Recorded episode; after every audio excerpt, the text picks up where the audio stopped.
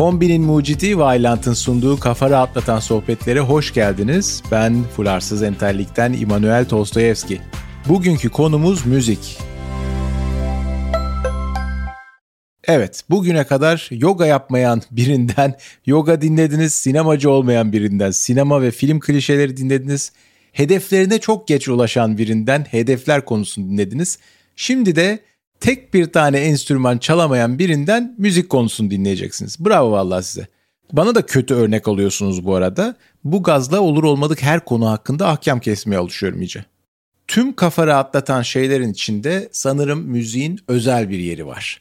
Her şeyin fazlası zarar ama müziğin fazlası diye bir şey olduğunu sanmıyorum. Bu düşüncelerimi not alırken bile arkada mesela müzik çalıyor. Cold Little Heart şarkısını dinliyorum ki bunun uzun versiyonunu herkese öneririm.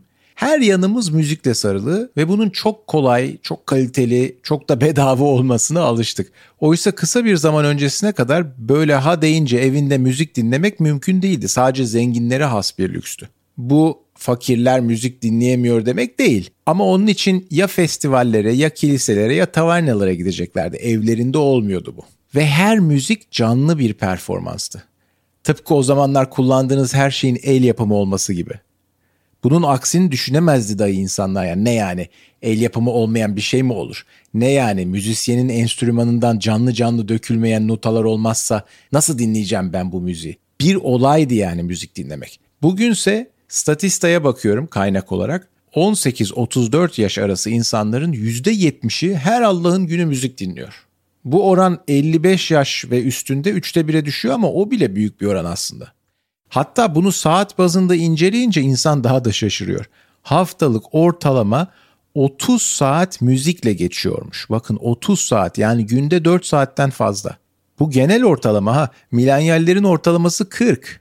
Yani hem her tarafımız müzikle sarmışız hem de bu modern teknoloji öncesinde hayatta kalmayla aslında alakasız gözüken bir şeye binlerce yıldır müthiş bir kaynak ayırıyoruz. Örneğin tüm dini ritüellerin bir parçası haline gelmiş müzik. Belki de tam tersini söylemeliydim. Dini öğeler müzikal ritüellerin birer parçası haline gelmişler. Her toplumda var bunlar yani. Ve herkeste de değişik duygulara sebep oluyorlar. Orası da çok ilginç bakın. Örneğin yemek de kültürel bir evrensel ama çoğu kez belli yemekleri yiyince üzgün veya neşeli veya melankolik hissetmiyorsunuz. Elbette belli duygusal bağlantılar kurulabilir. Yani bu yemeği annem yapmıştı dersin işte. Ama bu istisnai olur. Bir iki yemek için olur. Diğerleri nötrdür sana duygusal olarak. Müziğin ise doğrudan duyguları manipüle etme kabiliyeti var ve bu evrensel. Şimdi bir şey bu kadar yaygın olunca benim içimdeki amatör evrimsel psikolog uyanıyor ve atıp tutmaya başlıyor. Bu musiki duyarlılığı olan topluluklar bunu bir kaynaşma aracı olarak kullanıp daha başarılı oldular diyor mesela. O yüzden de o genler yayıldılar. Fakat bunu tek atıp tutan ben değilim. Ekonomist dergisinde 2008 yılında çıkan bir makale de bu konuya eğilmiş ve başka bir olası açıklamayı öneriyorlar. Şöyle gidiyor mantık örgüsü. Evrimsel açıdan bakıldığında hayatta kalma aslında tek önemli şey değil. Hatta en önemli şey bile değil. Üreme en önemli şey. Daha doğrusu şöyle söyleyelim. Üreyecek yaşa gelene kadar hayatta kalmalısınız. Ondan sonra da üreyebilmelisiniz. Dolayısıyla müzik ve daha genel anlamda ritim duygusu eş bulma veya eş seçme çabalarında önemli bir rol oynamış olabilir. Bu iş niye kuşlarla sınırlı olsun ki? Üstelik kuşlar da sadece beste yoluyla karşıdakini tavlamıyorlar. Dans edenler de var. Yani dans ve müzik kimseye doğrudan bir evrimsel avantaj sağlamasa bile genel olarak sağlıklı olmanın hem fiziksel hem kafaca sağlıklı olmanın dışarıdan gözlemlenebilen bir ölçütü. Ben birine baktığım zaman onun kan tahlilini yapamam kafamdan ama hoplayıp zıplıyorsa belli bir ritme uygun olarak güzel bir ses çıkarıyorsa buna enerjisi varsa o zaman derim ki ha bu sağlıklı bir birey genel olarak ben gideyim bundan çocuk yapayım bari. Bunu tabii böyle düşünmüyor kimse ama bu şekilde davrananlar ona ilgi gösteren bireylerin çocukları hayatta kalmış oluyor daha fazla ve o genler yayılıyor. Mantık bu. Genelde bu tip kompleks konularda tek bir doğru açıklama olması da gerekmiyor bu arada. Müzik algısı bunlardan biri yüzünden evrimleşmiş olup da sonradan diğer amaca da hizmet etmiş olabilir. Veya bambaşka bir şey yüzünden evrildi. Yani mesela daha gerekli bir takım zihinsel devrelerin bir yan etkisi olarak evrildi. Ama daha sonradan da grup birliği sağlama ve daha iyi bir eş elde etme gibi yararları olduğu ortaya çıktı. O şekilde bizden beraber oldu. Ha ne olabilir mesela daha gerekli olan şey? Yani neyin yan etkisi olarak ortaya çıkmış olabilir? Dilin kendisinin mesela. Aslında kimse müziğin mi, konuşmanın mı, dilin mi yani önce geliştiğini tam bilmiyor. Ama eğer konuşma önce gelişmişse beynin de karmaşık seslere zaten duyarlı bir halde olacağını düşünebiliriz. Müzik dediğimiz şey işte bu duyarlılığı biraz fazla tetikleyen, onu biraz yüksek vitese sokan bir olgu. O yüzden bizde acayip duygulara sebep oluyor olabilir. Buradaki ilginç olan nokta şu. Eğer müzik dilin bir yan etkisi olarak evrildiyse niye müzikal yeteneğimiz kişiden kişiye bu kadar fark gösteriyor? Sonuçta konuşma kabiliyetimiz kişiden kişiye pek de değişmiyor. Elbette bir hatip olmak için yetenek ve eğitim gerek ama standart bir konuşma seviyesine az çok kendi başımıza geliyoruz. Ve çoğumuz da o noktaya ulaşıyoruz zaten. Müzikal yetenek ise biraz daha farklı. Kendiliğinden gelişmesi daha zor ve büyük farklılıklar gösteriyor kişiden kişiye. Bu iyice şaşırtıcı çünkü demin de dediğim gibi müzik dinlediğimizde duygularımızın etkilenmesi gayet evrensel. Yani tüketim kısmında bir eşitlik var, üretim kısmı ise biraz daha rastgele. Bu arada müzik ile hitabet arasında da çok önemli bir bağ var. Yani dilden bahsediyoruz, hatiplerden bahsediyoruz ya. Buraya da bir değineyim. İyi hatip dediğimiz birçok insan dümdüz konuşmaz sonuçta. Yani oradaki olay içerikte değil. Sesinin bir ahengi vardır, iniş çıkışları vardır. Aslında iyi hitabetin çoğu da zaten bundan ibarettir yani içerikten değil. Çünkü konuşma dediğimiz şey müzik halini aldığı an, biraz müzikalleştiği an beynimiz ister istemez dikkatini kelimelerin anlamından bu tonlamalara, bu iniş çıkışlara veriyor ve bunu engelleyemiyorsunuz. Bu yüzden müzikal konuşan birçok karizmatik lider kelimenin tam anlamıyla dinleyenleri bir koyun sürüsüne dönüştürüyor. Geçici bir süreliğinde tabii. Ben bundan Safsatalar Ansiklopedisi kitabımda bahsetmiştim retorik bölümünde. Şunu demiştim. İyi hatip dediğiniz insanların konuşmalarını dinlemeyin. Onun yerine transkriplerini okuyun. Ne kadar çok düşük cümle olduğuna, ne kadar anlamsız şeyler söylendiğine, ne kadar zayıf akıl yürütmelerle dolu olduğuna inanamayacaksınız.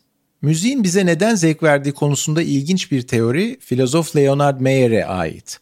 Her müzik aynı değil yani belli melodileri ve ritimleri daha çok seviyoruz değil mi? Çünkü beyin bu ritimleri tanıdıkça bir sonraki notayı veya o müziğin bir sonraki kısmını tahmin etmeye çalışıyor. Tahmini tuttukça da ufaktan dopamin salgılıyor. Yani kendi kendini ödüllendiriyor aslında. Ama gerçek şu ki eğer tahminlerimiz hep tutsaydı yani hep o müziği tahmin edebilseydik bu dopamin salgısı da kısa sürede düşerdi. Buna herhalde bir sıkıcı müzik diyoruz. Tıpkı bir fareye tutarlı olarak ödül vermek gibi bu aslında. Yani yapılan işe aynı ödülü verirseniz sürekli fare bir noktadan sonra ona alışıyor, direnç gösteriyor. Öte yandan işin içinde biraz belirsizlik varsa, tahminlerimizin biraz yanlış çıkma ihtimali varsa o zaman doğru tutturduğumuz zamanki dopamin salgısı çok daha büyük oluyor. Ki zaten bu mekanizma da bakın kumarbazların tiryakiliğinin standart açıklamasıdır. Yani hep kazanmayacaksın, hep kaybetmeyeceksin de onun yerine tam ayarında kazanacaksın ki oltada takılı kalasın. Yani bir başka açıdan şöyle diyebiliriz. Beynimiz bir şarkı dinlerken onun notalarıyla bir sürü poker eli oynuyor aslında. O yüzden de çok avantgard bir şey dinlediğimizde çoğumuz rahatsız oluruz. Çünkü beklentilerimizin hiçbir yerine gelmez. Daha doğrusu şöyle diyeyim, beklenti oluşturamayacak kadar rastgeledir bunlar. Kilit nokta o beklentiyi oluşturabilmekte, ortada yeterince belirsizlik olmasında. O zaman işte o şarkıyı beğenmiş oluyoruz. İnanılmaz ama aynı etki zaten bildiğimiz şarkılarda da gözleniyor. Hem de bazen daha kuvvetli bir biçimde. Yani siz şarkıyı biliyor olabilirsiniz ama limbik sisteminiz bilincinizin daha alt seviyelerinde, daha temel seviyelerinde çalışıyor. Orada kumar oynamaya devam ediyor. O senin şarkıyı bildiğini de bilmiyor yani. Tabi burada daha başka ilginç bir şey de var. Müziğin duygusal etkisi evrensel dedik ama aynı müzik aynı etkiyi bırakmıyor herkeste. Kişisel anılarınızla yaptığınız ilişkilendirmelerden bahsetmiştim zaten. Ama ben bunun ötesinde bir şeylerden bahsediyorum. Öyle çok iz bırakmış bir anınız olmasa dahi müzikle ilişkili, içinde yetiştiğiniz kültürdeki neşeli ezgiler mesela bir başka kültürden gelen birinde melankoliye yol açabiliyor. Müzik ve duygu arasındaki eşleştirme aynı değil yani. Ritimler de tabii ki çok farklı kültürden kültüre. Yani eğer melodilerle kumar oynuyorsak Hepimiz aynı kağıt destesine bakıp farklı kuralları olan farklı oyunlar oynuyoruz aslında. Şimdi işin bilimsel kısmı bu kadar olsun. Kafanızı daha da fazla şişirmeyeyim. Rahatlatmaya geldik, şişirmeye değil. Ben bu bölümü yaklaşık 7 sene önce yazmış olduğum bir yazıyla bitirmek istedim. Yazının asıl konusu bambaşka olsa dahi belki de biraz da bu yüzden sohbetlerimiz için iyi bir bitiriş olacağını düşündüm. Çetin Altan'ın zamanında sarf etmiş olduğu bir sözle başlıyor bu. Belki de sabahları bir saat yürümek ve 5. senfoniyi dinlemek için gelmişizdir dünyaya. Budapeşte'deydim. Kalenin yakınındaki sanat müzesini geceleri açık tuttukları özel günlerden biriydi. Tablolar ve heykellerle çevrili ana holde güzel bir kadın caz söylüyordu. Şimdi müze, heykel, caz bunları duyunca nasıl bir tablo canlandı kafanızda? Belki de orta yaş üstü entel takımının şarap kadehlerini tokuşturduğu bir mekan canlandı. Yok ben size doğru tabloyu şöyle çizeyim. Her çeşit insan var. Kimi öğrenci, kimi emekli, kimi şık, kimi salaş, kimi aval aval tavana bakıyor, kimi her bir ufak tabloyu dakikalarca inceliyor. Kimi caz melodilerine ritim tutuyor improvize olduğunu umursamadan, kimi ise balkondan sarkmış Tuna Nehri'nin üstünde dans eden parlamento binası ışıklarını izliyor. İçeride herhangi bir sahne, bir mikrofon, hoparlör yok. Holino dev avizesi altında ışıldayan tek bir kadına gölgeler içinden birkaç enstrüman eşlik ediyor sadece. Bu sadelik de çekim alanına giren herkesi bambaşka dünyalara götürüyor. Russo mutluluğun sırrını üç şeyle özetlemişti hatırlarsanız. İyi bir banka hesabı, iyi bir aşçı, iyi de bir sindirim sistemi. Sonuncusunun en önemli şey olacağı bir yaşa gelene kadar benim için mutluluk güzel binalar arasındaki güzel parklarda dolaşan güzel insanlar olsa gerek. Ben de güzel bir binada güzel insanlarla beraberim ama doğal bir güzellikten bahsediyorum. Konseri dinleyen bu çeşit çeşit insan arasında ortama yargılanmak ve başkasını yargılamak için gelen pek az insan vardı. Demek istediğim kimse kimsenin kıyafetini süzmüyor. Kimi iş çıkışı arkadaşlarıyla, kimi eşiyle hatta tek başına gelmişler bazıları da. Çünkü birkaç senede bir kültür kotasını doldurmak için zoraki ve gösterişe yönelik bir aktivite değil bu. Günlük yaşamın bir parçası, sürekli olan biten bir şey. İnsan süpermarkete tek başına sade bir biçimde ve ufak beklentilerle gidebiliyorsa niye bunu bir sanat müzesindeki caz konseri için yapamasın? Niye illa bir olay olsun bu? Kız arkadaşım yanımda bana impresyonizmle ekspresyonizm arasındaki farkları anlatıyor resimler üzerinden. Bilgisini kanıtlamak için de değil bu arada. Bunları sevdiğinden, heyecanlanarak anlatıyor zaten. Diyor ki bana kendi ülkemden en sevdiğim realist ressam bu. En popüler tablosu budur ama benim favorimse şu köşedeki. Bunu diyen de bir sanat tarihi öğrencisi değil, ekonomist alt tarafı. Bu konularda benim iyi bir temelim olmadığı için sonradan üstüne çıktığım o derme çatma bilgilere sık sık bakım yaptırmam lazım. Her seferinde kendime tekrarlamam lazım Monet ile Manet arasındaki farkı. Düşünüyorum benim en sevdiğim Türk ressam kimdir diye. Bilmiyorum. Romantizm veya realizm akımından olanını zaten hiç bilmiyorum. O nereden biliyor bunları onu da bilmiyorum. Arkadaşları nereden öğrenmişler? Hiçbir de kontes gibi şatolarda yetişmemiş üstelik.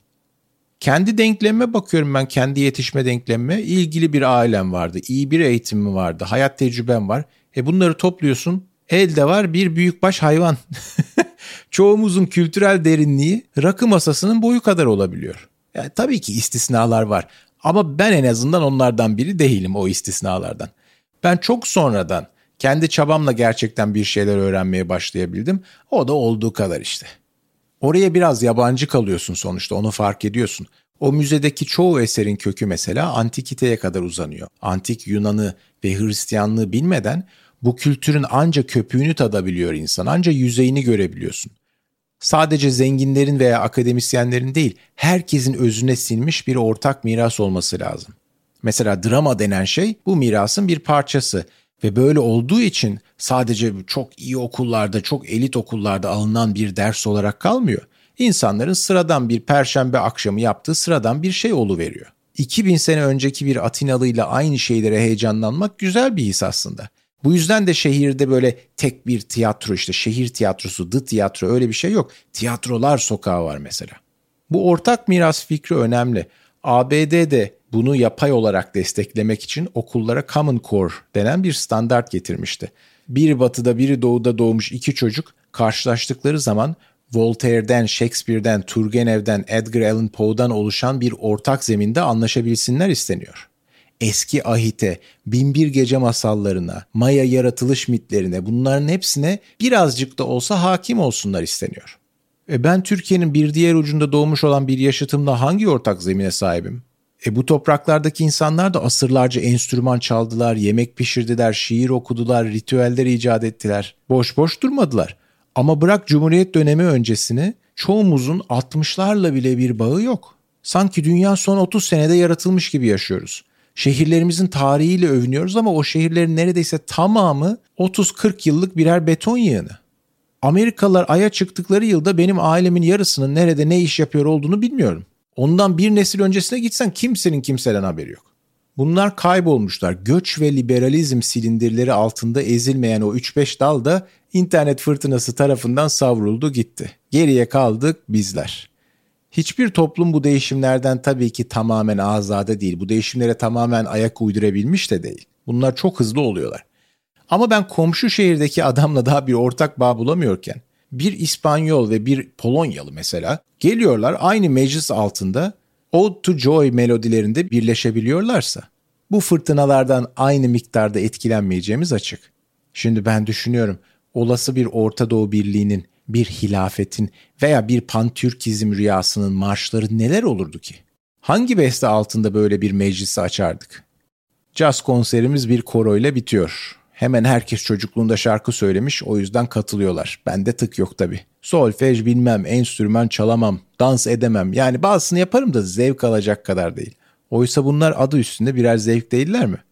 Müzikte şarapta bitti, müze kapanıyor artık. Heykellerle dolu avludaki esinti insanlara çıkışa doğru itiyor yavaşça. Son bir kez manzarayı içime çekmek için duruyorum. Bir bina topluluğuna manzara diyeceğimi eskiden düşünemezdim. Bizde manzara eşittir boğaz veya deniz çünkü çirkin şehirlerde büyüdük. İtalya'ya gidince ben anlamıştım sıradan binaların da güzel olabileceğini ve hatta olması gerektiğini. Buradaki o geçen yüzyılların ihtişamını yansıtan kısmen yıkık dökük eski binalar o ışıltılı Dubai gökdelenlerinden daha güzeller benim gözümde. Her anlamda bir çölde yaşayan insanları enler ile kandırmak çünkü çok kolay.